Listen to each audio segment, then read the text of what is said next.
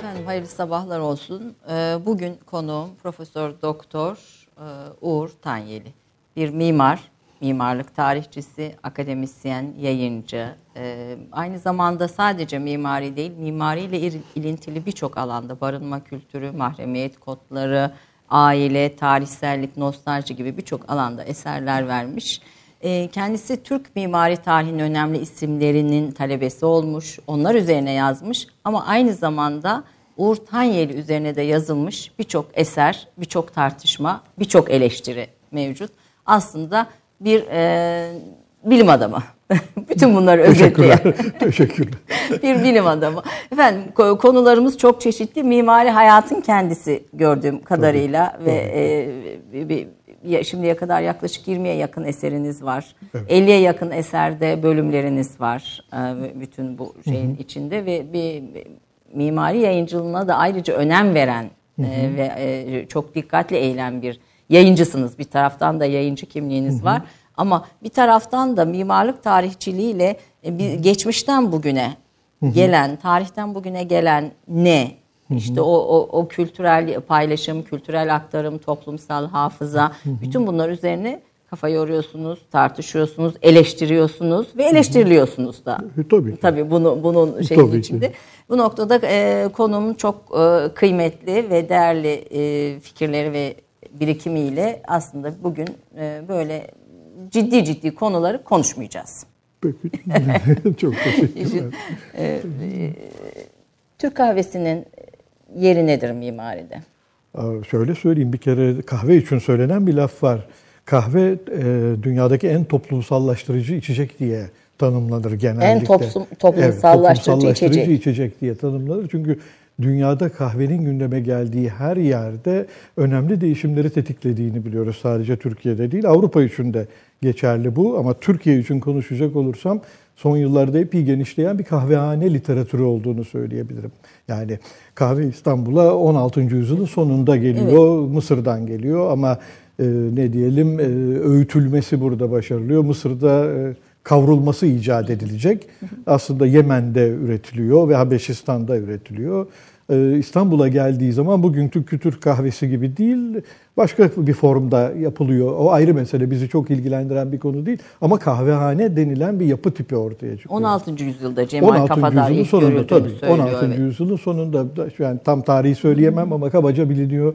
Yanlış hatırlamıyorsam Peçevi'de bile var bir Suriyeli'nin açtığını evet, söylüyor iki, Cemal Kafadar'ın iki, notlarında tabii, iki baktım. Kişi, iki e, Arap kökenli arkadaş burada ilk kez olarak bir kahve açıyorlar, kahvehane açıyorlar.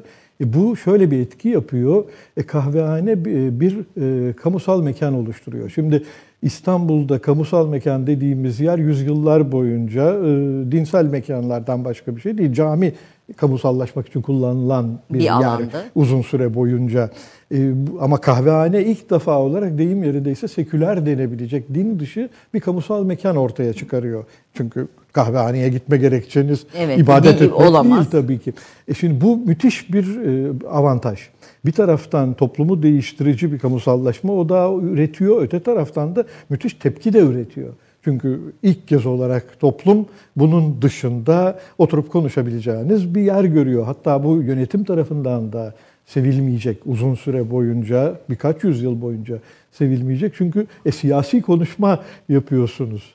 E, kahveye gittiğiniz zaman e, söz gelimi Sokollu Mehmet Paşa'na kadar Aleyhine konuşuyor diye konuşmaya başlıyorsunuz. E, bu tabii ki yönetimin uzun süre rahatsız olduğu bir şey. Bu meşhur işte e, 4. Murat dönemindeki kapatmalar, ama her zaman kuşkulu ama, bir e, mekan haline gelecek. Ama tebdil o, e, kıyafetle gidiyor ama padişah yine padişah, de kahve. Zaten padişah kendisi de kahve içiyor. Kahve içmeyen yok. ama kahvehane kuşkulu bir mekan haline geliyor. Aslında hani bulunmaması gereken yerde bulunuluyormuş gibi tahayyül edilmeye başlıyor. E, başka problemler de yaratıyor genellikle e, toplumsal statülere göre insanların toplandığı bir dünyada toplumsal statülerin dışında da toplanma imkanı buluyorsunuz. Yani ne diyelim e, aynı toplumsal gruptansanız kendi sosyalleşme ait. çevreniz var. Ama kahvehane böyle değil. Kahvehaneye her toplumsal gruptan insan gidebilir. E bunun da büyük bir bir tür devrim yaptığını Osmanlı dünyasında söyleyebilirim. E, benzer tepkileri İngiltere'de bile ürettiğini yine söyleyebilirim. 17. yüzyılda e, İngiltere'de de kahveler ki sonra İngiltere kahve merkezli değil çay merkezli olacak sonraki dönemde ama ilk dönemde gerçekten benzer Türkiye'deki gibi tepkileri tetik, tetikleyecek orada da kahvehane. Onun için kahvehanenin mimarisi e, önemsenen bir mimari ve daha da önemlisi biraz önce söylediğim gibi üzerinde son yıllarda çok ciddi yayınlar gerçekleştirildi. E, bazıları Türkçe'ye de çevrilmiş Çevrildi. tabii. E, çok sayıda kahvehane merkezli e, metin var. Ee, resmetme noktasında yani dönemin kahvehanelerin resmetme noktasında bir Preziosi'den bir şey hatırlıyorum. Onun bir eskizinden galiba hani kahvehane resmi. Çok da fazla e, var. Var. Şöyle söyleyebilirim mesela böyle bir minyatür hatırlıyorum. Bir 16. ya da 17. yüzyıl başına ait bir minyatür. Bir evde olduğu gibi fır dolayı sedirlerde oturup e, kahve içen erkekler. E, erkeklerden Tabii kadınlar olacak. için kamusal alan değil. Hayır, erkek değil. kamusal Uzun alan. Uzun süre boyunca olmayacak. Sadece erkeklerin gittiği bir yer. E, kahve de zaten bugünkü gibi yapılmayacak. Bu kahve 19. yüzyılda Yapılan. icat edilen kahve. O zaman Öte, nasıl yapılıyor? Ötekisi e, suyun içinde çekirdekleri, kavrulmuş çekirdekleri uzun süre kavurmaktan e, kaynaklanan büyük güğümlerde böyle kahve güğümleri bazen evet, şeye evet. düşerler. Evet. E, büyük kahve güğümlerinde onlar sürekli orada duruyorlar ve kahve ne diyelim sabahleyin orada hatta hatta geceden kahveyi kaynatmaya başlıyorlar ve Avrupa kahvesine daha benzeyen bir kahve üretiliyor. Biraz yani, daha farklı. Demek ki bu içtiğimiz Türk kahvesi tabii, 19. yüzyıla ait bir, bir kahve. Tü, evet, Türk bu kahvesi. şuradaki şey öğütülmüş kahveden ve telvesi içinde kalan e, yeni bir icat diyeceğim. Yeni bir. Ötekisi Avrupa'da içilen gibi erken dönemdeki. Ee, yani kamusal alan tabii bütün bu mekanlar kamusal alan, özel alan birçok şeyi bir, bir, birlikte etkiliyor. Bugün neye dönüştü peki? Bugün de mesela bir kahvehane farklı bir formda yeniden sanki güçle topluma gelmesi var. Yani yeni bir kamusallık mı, farklı bir değişim? İki formu oluştu gibi gözüküyor. Bir tanesi eski kahvehanenin e, bugünkü devamı olarak nitelendirebiliriz. Mahalle kahvesi evet, dediğim şey devam, şey ölmüş onlar değil. devam ediyor. O zaten devam ediyor ama şu öyle devam ediyor. Artık kuşkulu bir mekan değil.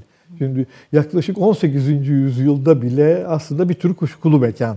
İnsanlar orada acaba toplanıyorlar, ne konuşuyorlar diye rahatsızlık veren bir yer. E bugün kahvehane için bunu söyleyemeyiz. Buna karşılık bir başka kahvehane tipi doğduğunu biliyoruz. E, kafe artık adı bile onun. Evet, kafe. kafe aslında onun da kahveyle doğrudan bağlantısından söz etmek mümkün ama o artık Avrupa'yı bir başka e, format oluşturuyor. Çeşitli marka kahveler. Bunlar e, Avrupa'daki kafelerin e, izinden gidiyorlar. Dolayısıyla iki ayrı güzergah oluştu. Hatta bir üçüncü güzergah var. Türk kahvesini Avrupa kahvesinin formatında servis yapan yerler var. Kadıköy'de olduğu gibi, Beşiktaş'ta olduğu gibi. Bunlar Türk kahvesi yapıyorlar ama e, deyim yerindeyse Starbucks'ın yaptığı gibi yapıyorlar. Marka kahve yapıyorlar. Dolayısıyla üç kahve e, üretim formatımızın olduğunu söylersem ve üç ayrı kahvehane tipimizin olduğunu söylersem yanlış bir şey söylemişim. İnsan, bu buralara giden insan tipimiz o ayrı bir... Tabii da, o da ayrışıyor ama çok mu ayrışıyor emin değilim. Çünkü yani hem diyelim ki marka kahvehanede kahve içebilirsiniz. Akşamleyin evinize giderken yolda mahalle kahvenisine uğramamanız için de bir, bir neden sebep, yok. Evet. Or orada da o yani dolayısıyla hepsini birden kullandığımızı söylersek daha doğru olur gibi geliyor. Daha e, yeni bir şey, bir bir sentez belki. Evet, bence bir sentez. Bunu rahatça söyleyebiliriz. Kahvede bir sentez. Ya da bir çeşitlilik. E, Türkiye'deki sayısız çeşitlilik gibi bu da bir, bir, bir büyük bir katkı bence dünyadakinden açısından daha e, olumlu karşıladığım bir durum diyeyim. Evet, e, daha kendiliğinden belki süreçler Tabii. ilerliyor. Tabii. Efendim sizin hakkınızda çok kısa bir e, otobiyografinizi hazırlamıştık. Uğur Tanyeli'nin akademik hayatına ilişkin kısa bir e, biyografi izleyelim. Ondan sonra sohbete devam ediyoruz.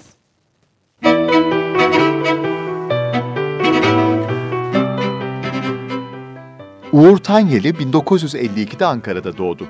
1976'da bugünkü adıyla Mimar Sinan Güzel Sanatlar Üniversitesi Mimarlık Fakültesinden mezun olarak aynı yılın sonunda bu kurumda asistanlık görevine başladı. 1982-1991 arasında İstanbul Teknik Üniversitesi Mimarlık Fakültesi'nde çalıştı. 1990-1991'de Michigan Üniversitesi Orta Doğu ve Kuzey Afrika Araştırmaları Merkezi'nde konuk öğretim üyesi olarak bulundu. 1991-1998 yıllarında Anadolu Üniversitesi Mühendislik Mimarlık Fakültesi Mimarlık Bölümünde görev yaptı. 1998'de Yıldız Teknik Üniversitesi Mimarlık Fakültesine profesör olarak atandı. Ağustos 2011'de Mardin Artuklu Üniversitesi Mühendislik ve Mimarlık Fakültesinde göreve başladı ve Şubat 2015'e kadar aynı kurumun kurucu dekanlığını yürüttü. Söz konusu tarihten bu yana İstanbul Bilgi Üniversitesi Mimarlık Fakültesinde çalışmakta ve aynı fakültenin dekan vekilliğini yürütmektedir. 1990'dan beri Arredamento Mimarlık Dergisi'nin yayın koordinatörlüğünü yapmaktadır. Çalışmaları Türkiye modernliğinin Osmanlı 16. yüzyılından başlayan bir kapsamda fiziksel çevre bağlamında irdelenmesi üzerinde yoğunlaşır. İstanbul 1900-2000 Konutu ve Modernleşmeyi Metropolden okumak, Turgut Cansever Düşünce Adamı ve Mimar, Mimarlığın Aktörleri Türkiye 1900-2000, Rüya, İnşa, İtiraz, Mimari Eleştiri Metinleri ve Sınır Aşımı Metinleri Osmanlı mekanının peşindenin de aralarında bulunduğu ondan fazla kitap yazmıştır. Uğur Tanyeli, kitapları, dergi ve diğer yayınlarıyla mimarlık yayıncılığının önemli isimlerindendir. Yani biz Bilgi Üniversitesi'nde bitirmiştik ama şu an Şehir Üniversitesi'nde Mimarlık ve Tasarım Fakültesi Evet. dekanı olarak Birkaç aydır öyle söyleyebilirim. Evet. Üç ay sanıyorum. O, o devamlılığı takip Evet, edememişiz. öyle bir düzeltme yaparsak iyi Evet, olur. evet, evet. Şehir Üniversitesi'nde şu anda Evet. Uğur Tanyeli Mimarlık e, Tasarım Fakültesi'nin dekanı aynı zamanda. Evet. Ee, öğrencileriniz sizden çok e, güzel e, hatıralarla, anılarla veya notlarla söz ediyorlar. Ee, bir defa derslerinize girmek büyük bir keyif öğrencileriniz için. Yani bir akademisyen için tabii çok önemli bir şey, özellik. Hiç sıkılmadan 3 saat dersinizi dinleyebileceklerini söylüyorlar ki bu 20 dakikaya 10 dakikaya inmiş bugünün insanı için büyük bir başarı. İnşallah öyleyimdir mi? ve, ve her dersinizde de çok şey öğrendiklerini söylüyorlar. Yani fanatik bir öğrenci grubunuz var. Onu söyleyeyim. Hani geçmişten bugüne. Teşekkür ediyorum. fanatik bir öğrenci grubunuz var. Ee, gerçekten derslerinize biz de girmek isterdik. Buyurun. Efendim bir mimar olarak e, ilk önce şeyden başlayalım. Birçok mimar olmak isteyen genç de var. Bir mimar olarak bir mimarın okuması gereken, e, mimar olmak isteyen birisinin okuması gereken ilk üç kitabı söyleyerek başlayalım. Ah hiç düşünmedim böyle bir şey doğrusu. İlk küçük kitap gibi. Ya var mıdır ya da ya illaki okumazsa şunu olmaz diye. Va- Şöyle söyleyeyim, üç kitap söylemem ama okumaları gereken çok şey olduğunu söyleyebilirim. Yani a- genellikle hatta şöyle söyleyeyim, e, epey az okuyan bir toplum olduğumuzu, mimarlık alanında da az okuduğumuzu söyleyebilirim. Hani dünyada pek çok yerde daha fazla okur mimarlar da, mimarlık öğrencileri de. Türkiye için aynı şeyi söyleyemeyeceğim doğrusu ama ille de bir, birkaç tane kitap adı vermeye kalksam ne verirdim? Hani Rüya İnşa İtirazı önerirdim mesela Evet. kendi kitabımı doğrusu önerirdim. Şunu söyleyelim. E, biraz- ben de bir o- okudum. Gerçekten de okunması gereken. Yani işlerine meslek yarar diyeceğim. ha, me- meslek açısından okunma. Rüya e, peki. E, roman okur musunuz? Ee, okurum. Ee, özel hatta bayağı okurum diyeceğim. E, Bir mi- mi- mimarın roman okuması gerektiğini düşünür müsünüz? Bu mimar için genelleyemem ama ben okurum çünkü benim için roman şöyle bir boyutu var. E, Toplumu anlamak istiyorsanız fiziksel çevrenin toplumun ve bireylerin üzerine nasıl etkili olduğunu anlamak istiyorsanız roman iyi bir e, örnektir. Hatta e, önümüzdeki ay İstanbul Edebiyat Fakültesi'nde bir konuşma yapacağım. Osmanlı romanında Mekan adında bir konuşma olacak. Bu erken Tanzimat sonrası romanda mekan tasvirleri, mekanı nasıl gördükleri ya da görmedikleri meselesi üzerine E, dolayısıyla son zamanlarda ne okuyorum diyorsanız Evet. sürekli Osmanlı romanı Romanlar okumaktan okuyorsun. artık Osmanlı son dönem herhalde. içim Osmanlı sıkıldı roman- diyeceğim. E, Recaizadeler falan mı E, okuyorsunuz? Aynen öyle. Ahmet Mithat, Recep Mehmet Rauf okumaktan doğrusu e, sıkıldım itiraf edeyim ki. Tabii o, o da bir yaşam biçimini taşıyor tabii, Tabii, roman bir tabii. şekilde. E, bu genellikle konuklarıma e, soruyorum roman okur musunuz diye. Çünkü erkeklerin Türkiye'de okumazlar. okuma e, evet okuması çok az roman doğru. konusunda. E, yani aslında her meslek alanında bir başka hayatı anlamak için roman çok iyi bir Kesinlikle. malzeme veriyor kesin. Bu erkeklerin roman okumaması meselesi dünyada da epey yaygın bir şey. Yani İngiltere için bile söylenebilir. Ka- Kadın romancılar var ve özellikle onlar kadın bir okuyucu için 18. yüzyıldan başlayarak yazmaya başlıyorlar. Dolayısıyla e, Türkiye'ye özgü bir mesele, Mesele değil. diyeceğim. Bu erkekliğe özgü erkeklere özgü diyeceğim. Biraz abartılı olacak. Affetsin bir, beni. bir toplumsal cinsiyet meselesi haline getiriyoruz roman. bir olay yaratmayayım. evet roman meselesine böyle bakıyoruz. Ee, bugün gü- yani yeni üretilmiş diyelim e, eserler içinde e, çok önemsediğiniz modern çağdaş yapılar içinde e, mutlaka görülmeli dediğiniz eserler var mı? Ee, yani şöyle söyleyeyim dünyada söyleyebileceğim yapılar var. Bir kere onlardan söz edebilirim ve bir de Türkiye'den söz edebilirim. Dünyada e, biraz önce konuşmuştuk söz gelimi e, İspanya'nın Bilbao kentinde Guggenheim Müzesi Frank Gehry'nin tasarladığı bir yapı. E, önemli olduğunu söyleyebilirim. E, neredeyse içinde konumlandığı şehrin kaderini değiştirecek kadar önemli bir yapı oldu ve mimarlığın bugünkü dünyadaki e, halkla ilişkiler boyutu hakkında konuşmak için üzerinde epey de malzeme üretti. Çok turist çekmesi itibariyle mi? Yani hiç turistik olmayan Bilbao gibi bir şehri başlı başına bir turist destinasyonu haline getirdi. Dolayısıyla bu açıdan benzersiz bir rolü var ama sadece ondan söz edecek olursam ayıp olur. Ee, Çok böyle yapı var. Hani e, benim önemsediğim yapılardan söz edebilirim. Hong Kong'da mesela HSBC binasının genel merkezi binasını söyleyebilirim. Bir makine gibi biçimlendirilmiştir tüm yapı. Mesela önemli bir yapı olduğunu söyleyebilirim. Ee, Daha eskilere doğru gidersek e, Le Corbusier'in neredeyse bütün yapılarının çok önemli olduğunu söylerim ama onlar 1920'lerden 60'lara uzanan bir aralıkta inşa edilmişlerdi. Bu arada Le Corbusier Türkiye'de İstanbul'a da gelmiş. Ben e, yani okurken sizi de dikkatimi çekti. Mesela hiç İstanbul'a gelişi ve İstanbul seyahati hakkında e, bu ünlü mimarın çok fazla bilgi e, bilmiyoruz. Ee, son yıllarda ilgi çektiğini söyleyebilirim. Ee, Uzun süre boyunca Türkiye'de pek ilgi çekmemişti bu mesele ama son yıllarda artık bilinen bir konuya dönüştü. İstanbul'a 1911'de geliyor. 11'de İstanbul'da eskizler yapacak, fotoğraflar çekecek. E, hatta buradan İsviçre'de doğduğu şehirdeki bir küçük gazeteye İstanbul'la ilgili makaleler gönderiyor. Bu makaleleri de ölümüne yakın bir şark seyahati diye Yayınladı herhalde. yayınlandı. Türkçesi de hatta çevrildi. Ve dolayısıyla Türkler de bu konudan haberdar oldular ve e, kitap ilginçtir. Hala okunabilir özellikleri olan bir kitap bu sözünü ettiğim Şark Seyahati. Evet. E, Dolayısıyla e, Türkiye ile de bir biçimde bağlantısı var. Burada işte dediğimiz gibi e, yaptığı eskizler var. Süleymaniye Camisi'ni dolaşmış. E, İstanbul'un içinde sokaklardan küçük eskizler yapmış. Bursa'ya uzanmış kısa bir gezi yapmış. Bu arada Osmanlı artığı diyebileceğim coğrafyadan Balkanlarda e, bugünkü Bulgaristan toprağında bulunan yerlerde de ufak tefek yaptığı eskizler var. E, dolayısıyla bir biçimde bizimle ne diyelim ya da bu coğrafyayla ilgilenmiş bir tarafı da var. Ayrıca bir şeyi daha hatırlatayım. İstanbul e, pardon İzmir için bir e, imar planı projesi vardır. Le Corbusier. Tabii e, İzmir için e, İkinci Dünya Savaşı'ndan önce bir imar planı ısmarlamışlar.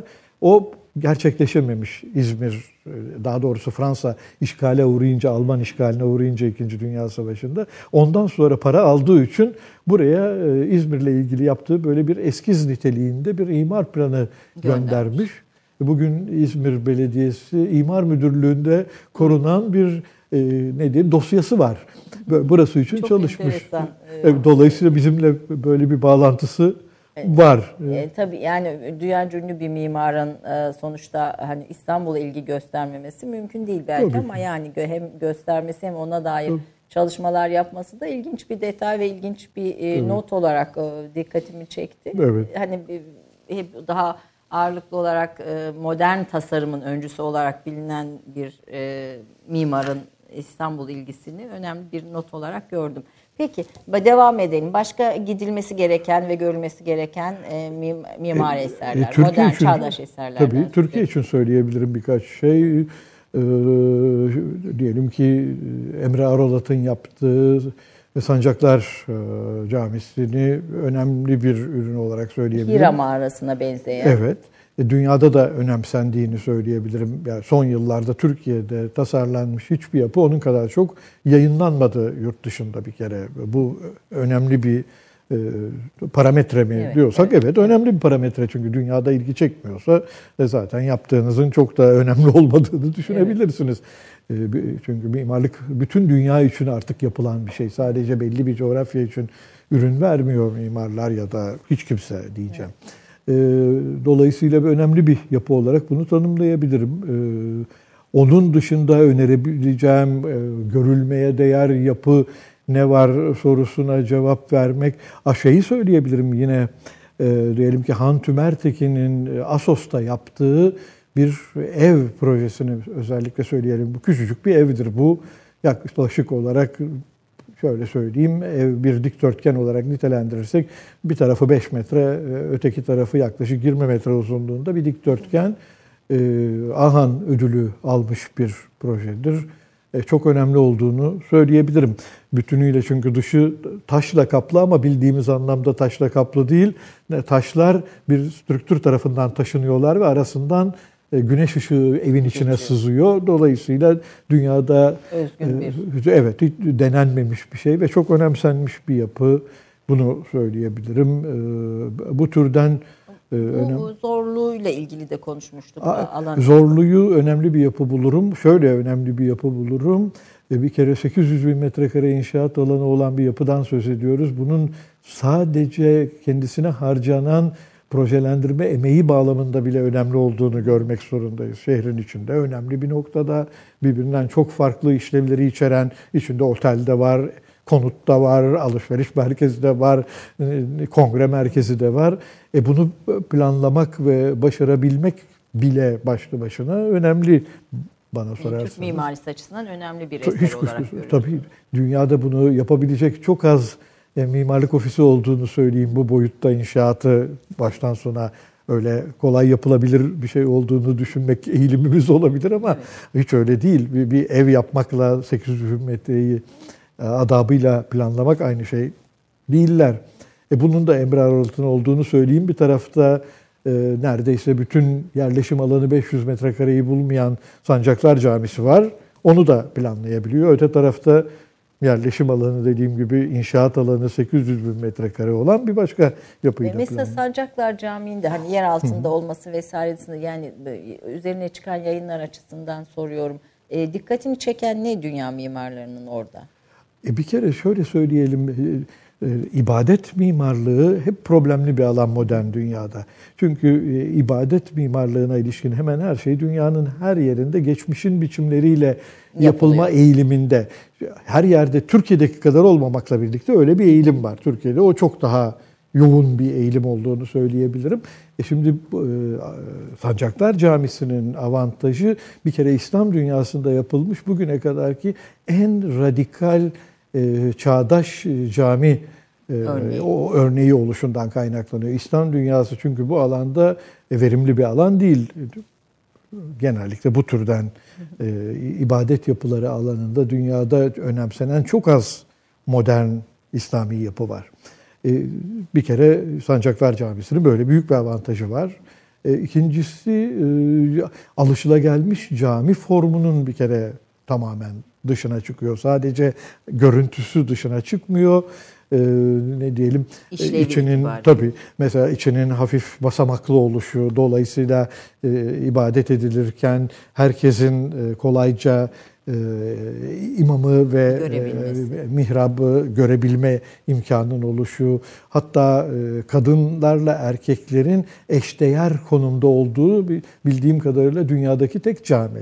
Genellikle biliyorsunuz e, camilerin arkasına atılır kadınların Evet, ibadet ettikleri yer ya da yapılır, evet, genellikle onlar yapılmaz. Evet, 18. yüzyılda İstanbul'a kadar hiç İslam dünyasının hiçbir yerinde kadınlar zaten camiye gitmiyorlar. Yani camiye kadınların gitmesi İstanbul'da başlayan bir pratik ve 18. yüzyılda başlayan bir pratik. E, tabii genellikle tersi zannediyoruz. Evet, Bütün evet, çağlarda evet. giderler. Hayır. Dolayısıyla camilerin kadınlar mahfili yok yüzyıllar boyunca. Çünkü gitmiyorlar zaten. 18. yüzyılda İstanbul'da gitmeye başlayacaklar. Önce çok tepki toplayacak hatta. Böyle metinler var 18. yüzyılda yazılmış. Popüler e, Türkçe metinler var. Kadınlar niye camiye gidiyor, ne işleri var. Bugünkü gibi yani aradan 200-300 yıl geçmiş çok da fazla bir şey değişmemiş yani. E, yine de biraz daha fazla değişti diyebileceğim ama Kısmen yani, 300 istenilen oranda değiştiğini söyleyemeyeceğim. Gerçekten de böyle bir eşitlikçi zemin oluşmuş gözükmüyor. E, Bu e, Sancaklar Camisi bunu da yapmayı deniyor. Bir kere eşdeğer konumdalar. Arka tarafa atılmış değiller. E bunun problemli olduğunu herhalde söylememe bile gerek yok. Kadınları ikinci sınıf vatandaş olarak e, caminin içinde konumlandırma meselesini aşmayı deneyen bir yapıyı önemsemek durumundayız. Evet ve bir, bir başka bir bakış biçim, tabii bir ki, tabii. ibadet e, ne değil mekanı oluşturmuş oluyor böylece Tabii, ibadet tabii. mekanı oluşturmuş oluyor.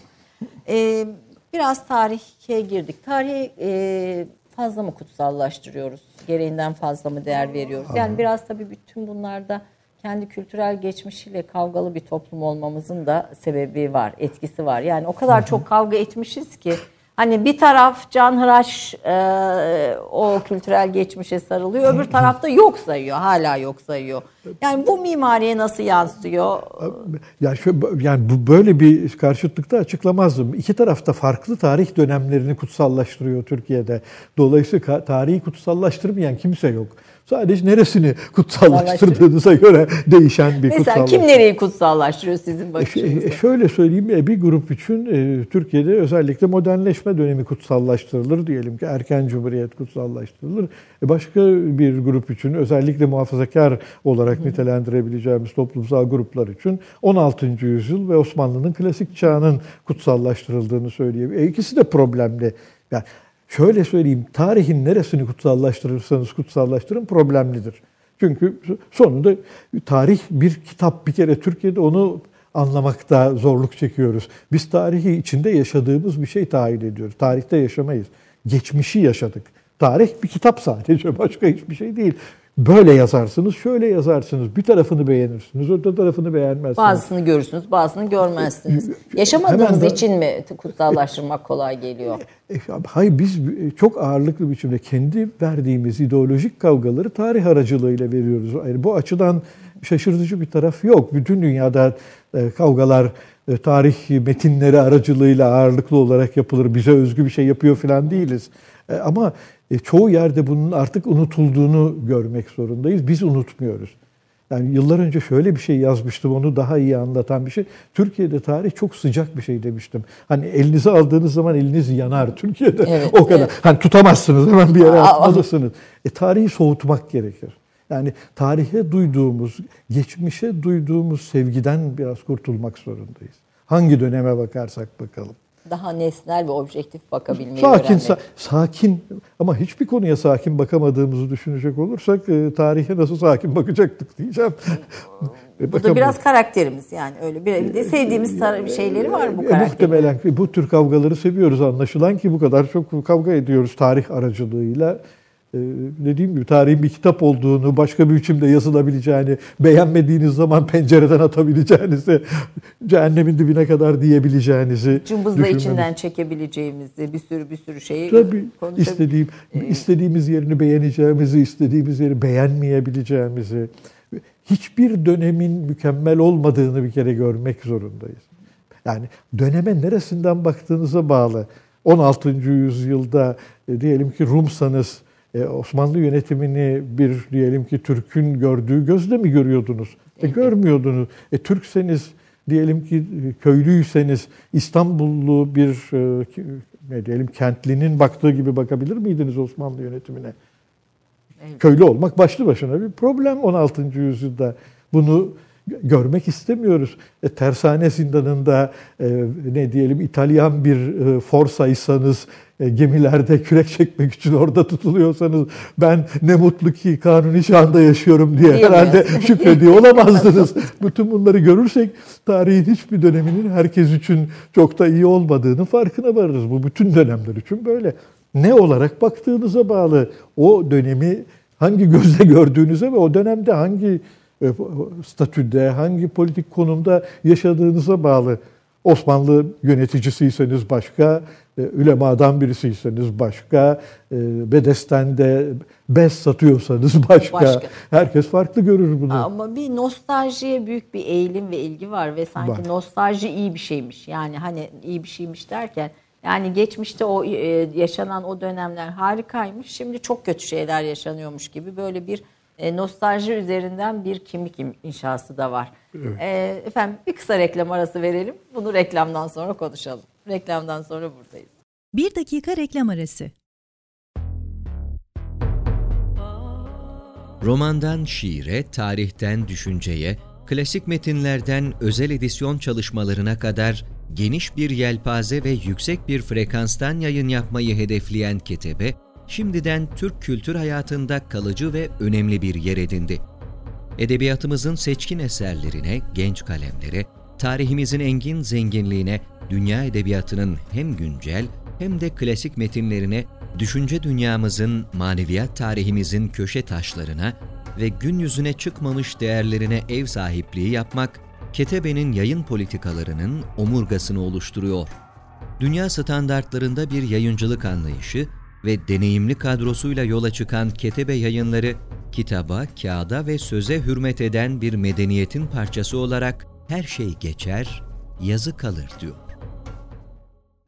Reklam arası sona erdi. Efendim konuğum Profesör Doktor Uğur Tanyeli, Şehir e, Üniversitesi Mimarlık Fakültesi Dekanı ve aynı zamanda bir entelektüel, akademisyen.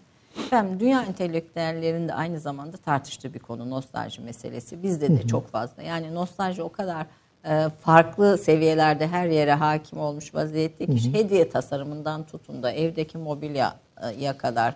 İşte de, tekrar edilen törenlerden tutun da hani hayatın içindeki ritüellere kadar. Bir sürü alanda ve ama en çok da mimaride e, kendini gösteriyor. Tabii. Bu e, nostalji neyi anlatıyor aslında? Bu nostalji olan ilgimiz neyi anlatıyor? E, önce şöyle söyleyeyim, nostaljiyi nasıl tanımlarız? Hani benim bir tanımım var nostalji için. Yaşamadığınız geçmişin resmine aşık olmak aslında nostalji. Çünkü bildiğiniz bir geçmişi özlemezsiniz özlediğiniz geçmiş aslında içinde yaşamadığınız sadece kaba bir resminden daha fazla bir şey bilmediğiniz bir dünyaya aşık olmaktır. Yani eğlenceli bir hikayeyle bunu son zamanlarda çok örnekledim. Onu söyleyeyim bir arkadaşın annesi İstanbul'da bir hastanede e, doktor olarak çalışıyor. İnsanlar kuyrukmuşlar ve bir yandan da şikayet ediyorlar. E, adamın biri şöyle bağırıyormuş. Osmanlı devrinde olsaydı biz böyle kuyruk bekler miydik hastanede? Şimdi Osmanlı devrinde öyle hastane mi var? öyle hastane mi vardı? Kuyruk diye bir alışkanlık mı vardı? vardı? bu kadar az. Sağlığımıza bu kadar dikkat mi ediyorduk? Doktora evet. gider miydik? Evet. 16. yüzyılda hiç doktor görmeden toplumun %99'u muhtemelen doğuyor ve ölüyordu. Ölüyor, evet. Şimdi hastanede doğuyoruz, hastanede ölüyoruz. Böyle bir dünyada karşılaştırma olabilir mi? Dolayısıyla bu 16. yüzyılı ne olarak tahayyül ediyorsa şikayet eden arkadaş tam da nostaljik bir tavır üretiyor. Nostalji böyle bir şeydir. Yaşamadığınız, bilmediğiniz bir tarihi özlemeye başlarsınız. E bu bir tek şeye işaret eder. Bugünden duyduğunuz şikayete işaret eder. Nostaljik her tavır bugünün gerçekleriyle, sorunlarıyla mücadele Yüzleşemek. etmekte, tabii yüzleşmemekte, ısrar etmeyi işaret eder. Korkma, korkmaya işaret eder gerçek bugünün gerçekleriyle yüzleşince karşılaşacağınız problemlerden korkmaktır nostalji aslında. Dolayısıyla hiç masum değildir. Bir başka boyutu da var nostaljinin. Onu da söyleyeyim. Her nostaljik tavır belirli bir geçmişi, belirli bir parçasını yazmakla gündeme geldiği için onu bugünkü herkese dayatmak istersiniz. Nostalji aynı zamanda da dolayısıyla tehlikeli bir duygusallık tipolojisidir bu. Carl Jung'un öyle çok güzel bir şey var. Duygusallık diyor, e, dehşet uygulamanın alt metnidir. Evet. Dolayısıyla aslında çok masumane bir özleme edimimiz sonunda döner hepimizin birbirine uyguladığı bir tür e, dehşete dönüşür. Jung'un söylediği dolayısıyla çok güzel bir şey. Bunun üzerine son zamanlarda bir şey yazdım. Evet. Nostalji üzerinden mesela evleri nostaljide sanki eski evler muhteşemmiş. İşte o konak yaşamları. İşte mesela şimdi bütün bir sürü siteler yapılıyor, bir sürü yerler konaklar, saraylar filan isimler öyle işte Tabii. Topkapı Sarayı'na benzeyen e, oteller Çok vesaire doğru. gibi Tabii. böyle bir şey sanki hani o, o mimari veya o o hayat bugün yaşanabilirmiş öyle evler de olabilirmiş ve o evler de sanki problemsizmiş gibi ve o yaşam biçimleri de problemsizmiş gibi. Bu ne kadar doğru gerçeği? Çok doğru bir şeye de parmak bastınız. Şöyle söyleyeyim. E, bu kadar o evleri herkes özlüyorsa niye kimse geleneksel bir evde yaşamak istemiyor da kaloriferli, sıcak sulu, e, ne diyelim rezidanslarda, sitelerde yaşıyor, yaşıyor sorusunu sormak zorundayız. E, bu bir tür, e, hiç açık söyleyeyim, bir tür e, riyakarlık. E, geleneksel evlerde yaşamak zordu. Dünyanın her yerinde geleneksel evde yaşamak zordur. Türkiye'de zor da e, İngiltere'de, evet. İtalya'da kolaydı anlamına gelmiyor. Bir 14. yüzyıl evinde İtalya'da ki İtalya'da Türkiye'dekinin aksine 13. 14. yüzyıldan kalma çok sayıda ev var ve içinde yaşanıyor. E, yaşamanın kolay olduğunu söyleyemem. Bir Japon evinde yaşamak neredeyse hiç ısıtı, evet. ısıtılmayan bir evde yaşıyorsunuz. Üstünüzdeki kılığınızla neredeyse e, yataktan çıkıyorsunuz, yatağa öyle giriyorsunuz. Yoksa eviniz buz gibi oluyor ama ne diyelim e, Japonya'da aynı nostalji yok. Ama Türkiye'de var. Yani Türkiye'de hiç kimse o evlerde yaşamak istemiyor. Hatta herkes kurtulmak istiyor. Öyle evi olanlar onu bir andan gözden çıkarmak istiyor, satmak istiyor, devlete devretmek istiyor, müze olsun diye. Ama sonra eski evler ne güzeldi diye konuşmak gibi bir alışkanlık geliştiriyoruz. E bir kere bu e, ne diyelim iki, bir tür iki yüzlülük üretiyoruz.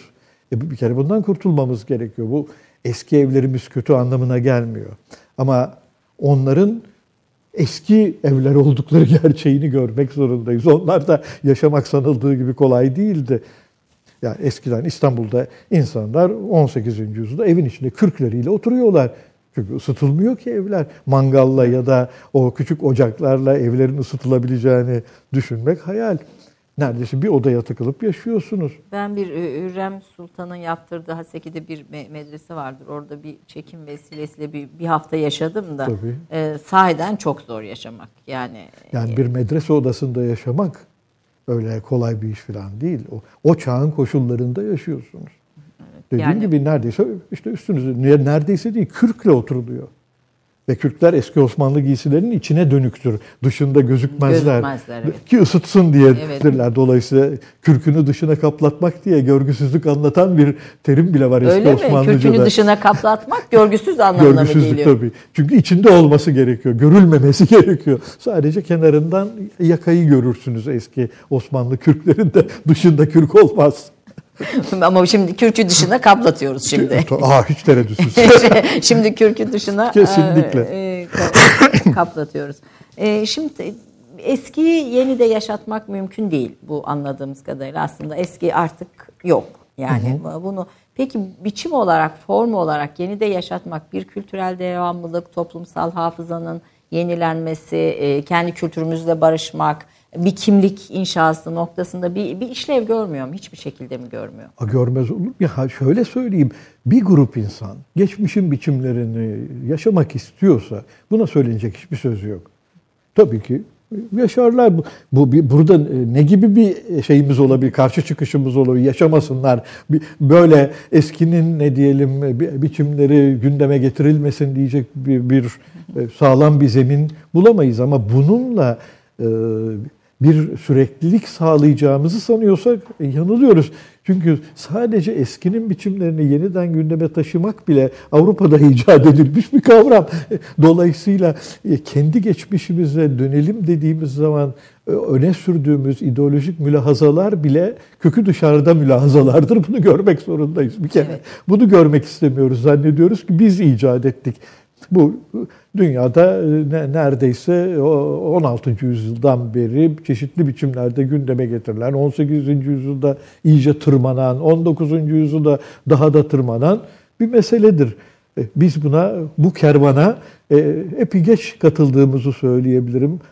Kendimizin olan e, kendimizin sandığımız şey en az kendimizin olan şey, şey. diyerek söylersem daha doğru olur. Evet o derece vecize açıklayıcı oldu. Kendimizin sandığımız şey en az kendimizin diyorsunuz. Efendim, siz Turgut Cansever'in de aynı zamanda e, talebesiydiniz ve onun hakkında yazılmış en güzel eserlerden birisi de size ait. E, Turgut Cansever bir mimarlık ve bir felsefe anlatıyor. Aslında bu biraz Hı-hı. önce konuştuğumuz kültürü de koruyan, eskiyi de koruyan ama yönü de bu tarafa bakan e, bir şey anlatıyor. Bir, bir, bir mahalle anlatıyor. Bir mahalle sadece bir ev, bir alan, bir mahalle anlatıyor. Ee, onun görüşlerinden de yaklaş, e, onun görüşlerini de göz önünde bulundurarak aslında bu mümkün mü? Eski ile yeni arasında bir sentez yapmak. Yani bugünü geçmişten kopartmadan yaşamak ve yaşatmak. Bunu mimaride sürdürmek mümkün mü diye sormak istedim. Yani önce Turgut Bey hakkında söyleyeceğim bir sonra söyleyeyim. Bunun için sadece tarihte, geçmişte bugünü bir araya getirmek mümkün mü üzerine konuşayım. Ee, şöyle bir laf var. Latians diye bir İngiliz mimarı bu yüzyıl dönümünde yaşamış bir mimardır. Şöyle bir lafı var. Tarihi öldürseniz de cesedinden kurtulamazsınız diye bir lafı var. Dolayısıyla tarihten kopmak, kendi geçmişinizden kopmak benim gibi biri için mümkün değildir zaten. Yani ne kadar kopmak isterseniz isteyin, ne kadar belirgin bir biçimde ben başka bir şey olacağım derseniz deyin, kendiniz Olamaz. olmaktan başka hiçbir çareniz yok. Olamazsınız. Yok öyle bir yol. Dolayısıyla Türkiye'deki endişeyi çok e, ne diyelim kabul edebildiğimi söyleyemem. Anlayabiliyorum böyle bir endişenin varlığını ama hani benim açımdan hiçbir şey yok. Ben ne yaparsam yapayım, ne kadar e, pabuçlarım Avrupa pabuçları olursa olsun, pantolonum Avrupa pantolonu, kazağım Avrupa kazağının biçiminde, gömleğim e, ne diyelim 16. yüzyıl gömleği olmazsa olsun sonunda ben 16. yüzyıldaki insanların Devamıyım. Bundan kurtulmanın imkanı yok. Aynı dili konuşuyorum, aynı inanç sisteminin içinde varlık kazandım. E, dolayısıyla istediğim kadar kendimi yalıtayım da geçmişten. Bu mümkün değil. E, bundan yalıtma isteğinin kendisi de problemli değil. Yalıtılmayalım demenin de kendisi problemli değil. Bizim problemimiz Türkiye'de bunu sürekli bir karşıtlık olarak tahayyül ediyoruz. İdeolojik kavga ediyoruz. Evet, sanıyoruz ki bambaşka bir şey oluruz. Ne kadar bambaşka bir şey olursak olalım kendimiz olarak bambaşka bir şey oluyoruz. Dünyadaki herkes değişiyor. İngilizler de 16. yüzyıldaki İngilizlere benzemiyorlar. İsveçliler de 16. yüzyıldaki İsveçliler gibi değiller. E biz de 16. yüzyıldaki Osmanlılar gibi değiliz. Bir kere hani bunu görürsek ama sonunda onlar da nasıl İsveçliyse, İtalyansa, Macarsa e sonunda biz de ne yaparsak yapalım e, Osmanlıyız. Türküz kaçınılmaz olarak böyleyiz. Bundan Bundan kurtuluş yok. Bunun endişesini anlamam. E, cansever için e, canseveri bir mimar olarak önemserim. Yani düşünceleri bağlamında önemserim. E, böyle bir imkanın var olduğunu düşündüğüm için değil. Yani canseverle aynı görüşleri paylaştığım anlamında değil. Canseveri önemsemek başka bir şey, saygı duymak, söylediği sözü ciddiye alınabilir nitelikte olduğunu bir mimar olarak ciddiye alınması gerektiğini söylemek başka bir şey. Cansever'in dediğinin bir gün gelip de bir kurtuluş formülü gibi kullanılabileceğine inanmak başka bir şey. E, bir kurtuluş formülü değil Cansever. Ama ciddiye alınabilir sözler mi söylüyor? E ciddiye alınabilir sözler söylüyor. Bir kere e, kültürün bütünselliği üzerine söyledikleri Türkiye'de o epey ender bir şeydir ve önemsenebilir. Yani onu şunu söylemeye çalışıyor. E, ne, yaşama biçiminiz, yediğiniz, inandığınız, inşa ettiğiniz, barınma şeyiniz bunların hepsi bir bütün oluştururlar. Bunlar birbirlerinden yalıtılmış parçalar haline gelemezler biçiminde konuşuyor ki bu e, ciddi alınabilir bir e, görüş. Bu e, ne diyelim bunun üzerine söylenebilecek sözler var. İkincisi kendi mimarlığını önemsediğimi söyleyebilirim. En baştan itibaren en azından cansever için iyi bir mimar olduğunu söylerim. Tabii yani sonuçta 3 Ahan ödülü, Nobel e, bir de artı sayısız eser. Mesela Antalya'daki yeni cami ben sizden okudum. Tabii. Bilmiyordum Mesela onu tabii, Antalya'da yeni tabii, cami. Tabii gayet iyi Muhteşem bir biliyorum. şey, e, Hakkında önemli şey önemsediğimi de anlatan bir şey yazdığımı da hatırlıyorum. E, Önemsi, önemli bir yapı. O da tarihten yararlanıyor ama tarihselci binalar inşa edenlerin çoğunun gittiği yoldan gitmiyor. Şunu söylüyor. Diyor ki bu yapının konstrüksiyonu, inşai özellikleri biçiminden özerk değildir. Yani onu betonarmeden yapıp ben e, eskisi gibi cami yaptım diyemezsiniz diyor. O cami onun için gerçekten de 15. yüzyıl teknikleriyle inşa edildi. Sanki 15. Antalya'daki yüzyıl. Antalya'daki cami. Şimdi e, bu önemli bir laf. Bu önemli bir iddia.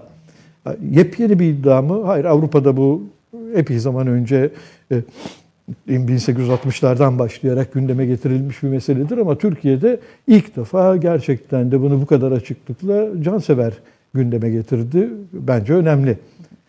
Yani bir yapı sadece biçimden oluşmuyor. Aynı zamanda onu yapmak için kullandığınız inşai Malzeme, emekten de ve teknikten de oluşuyor ve bunları birbirinden koparamazsınız diyor. Dolayısıyla kubbesini o çağdaki kubbe gibi ördüler.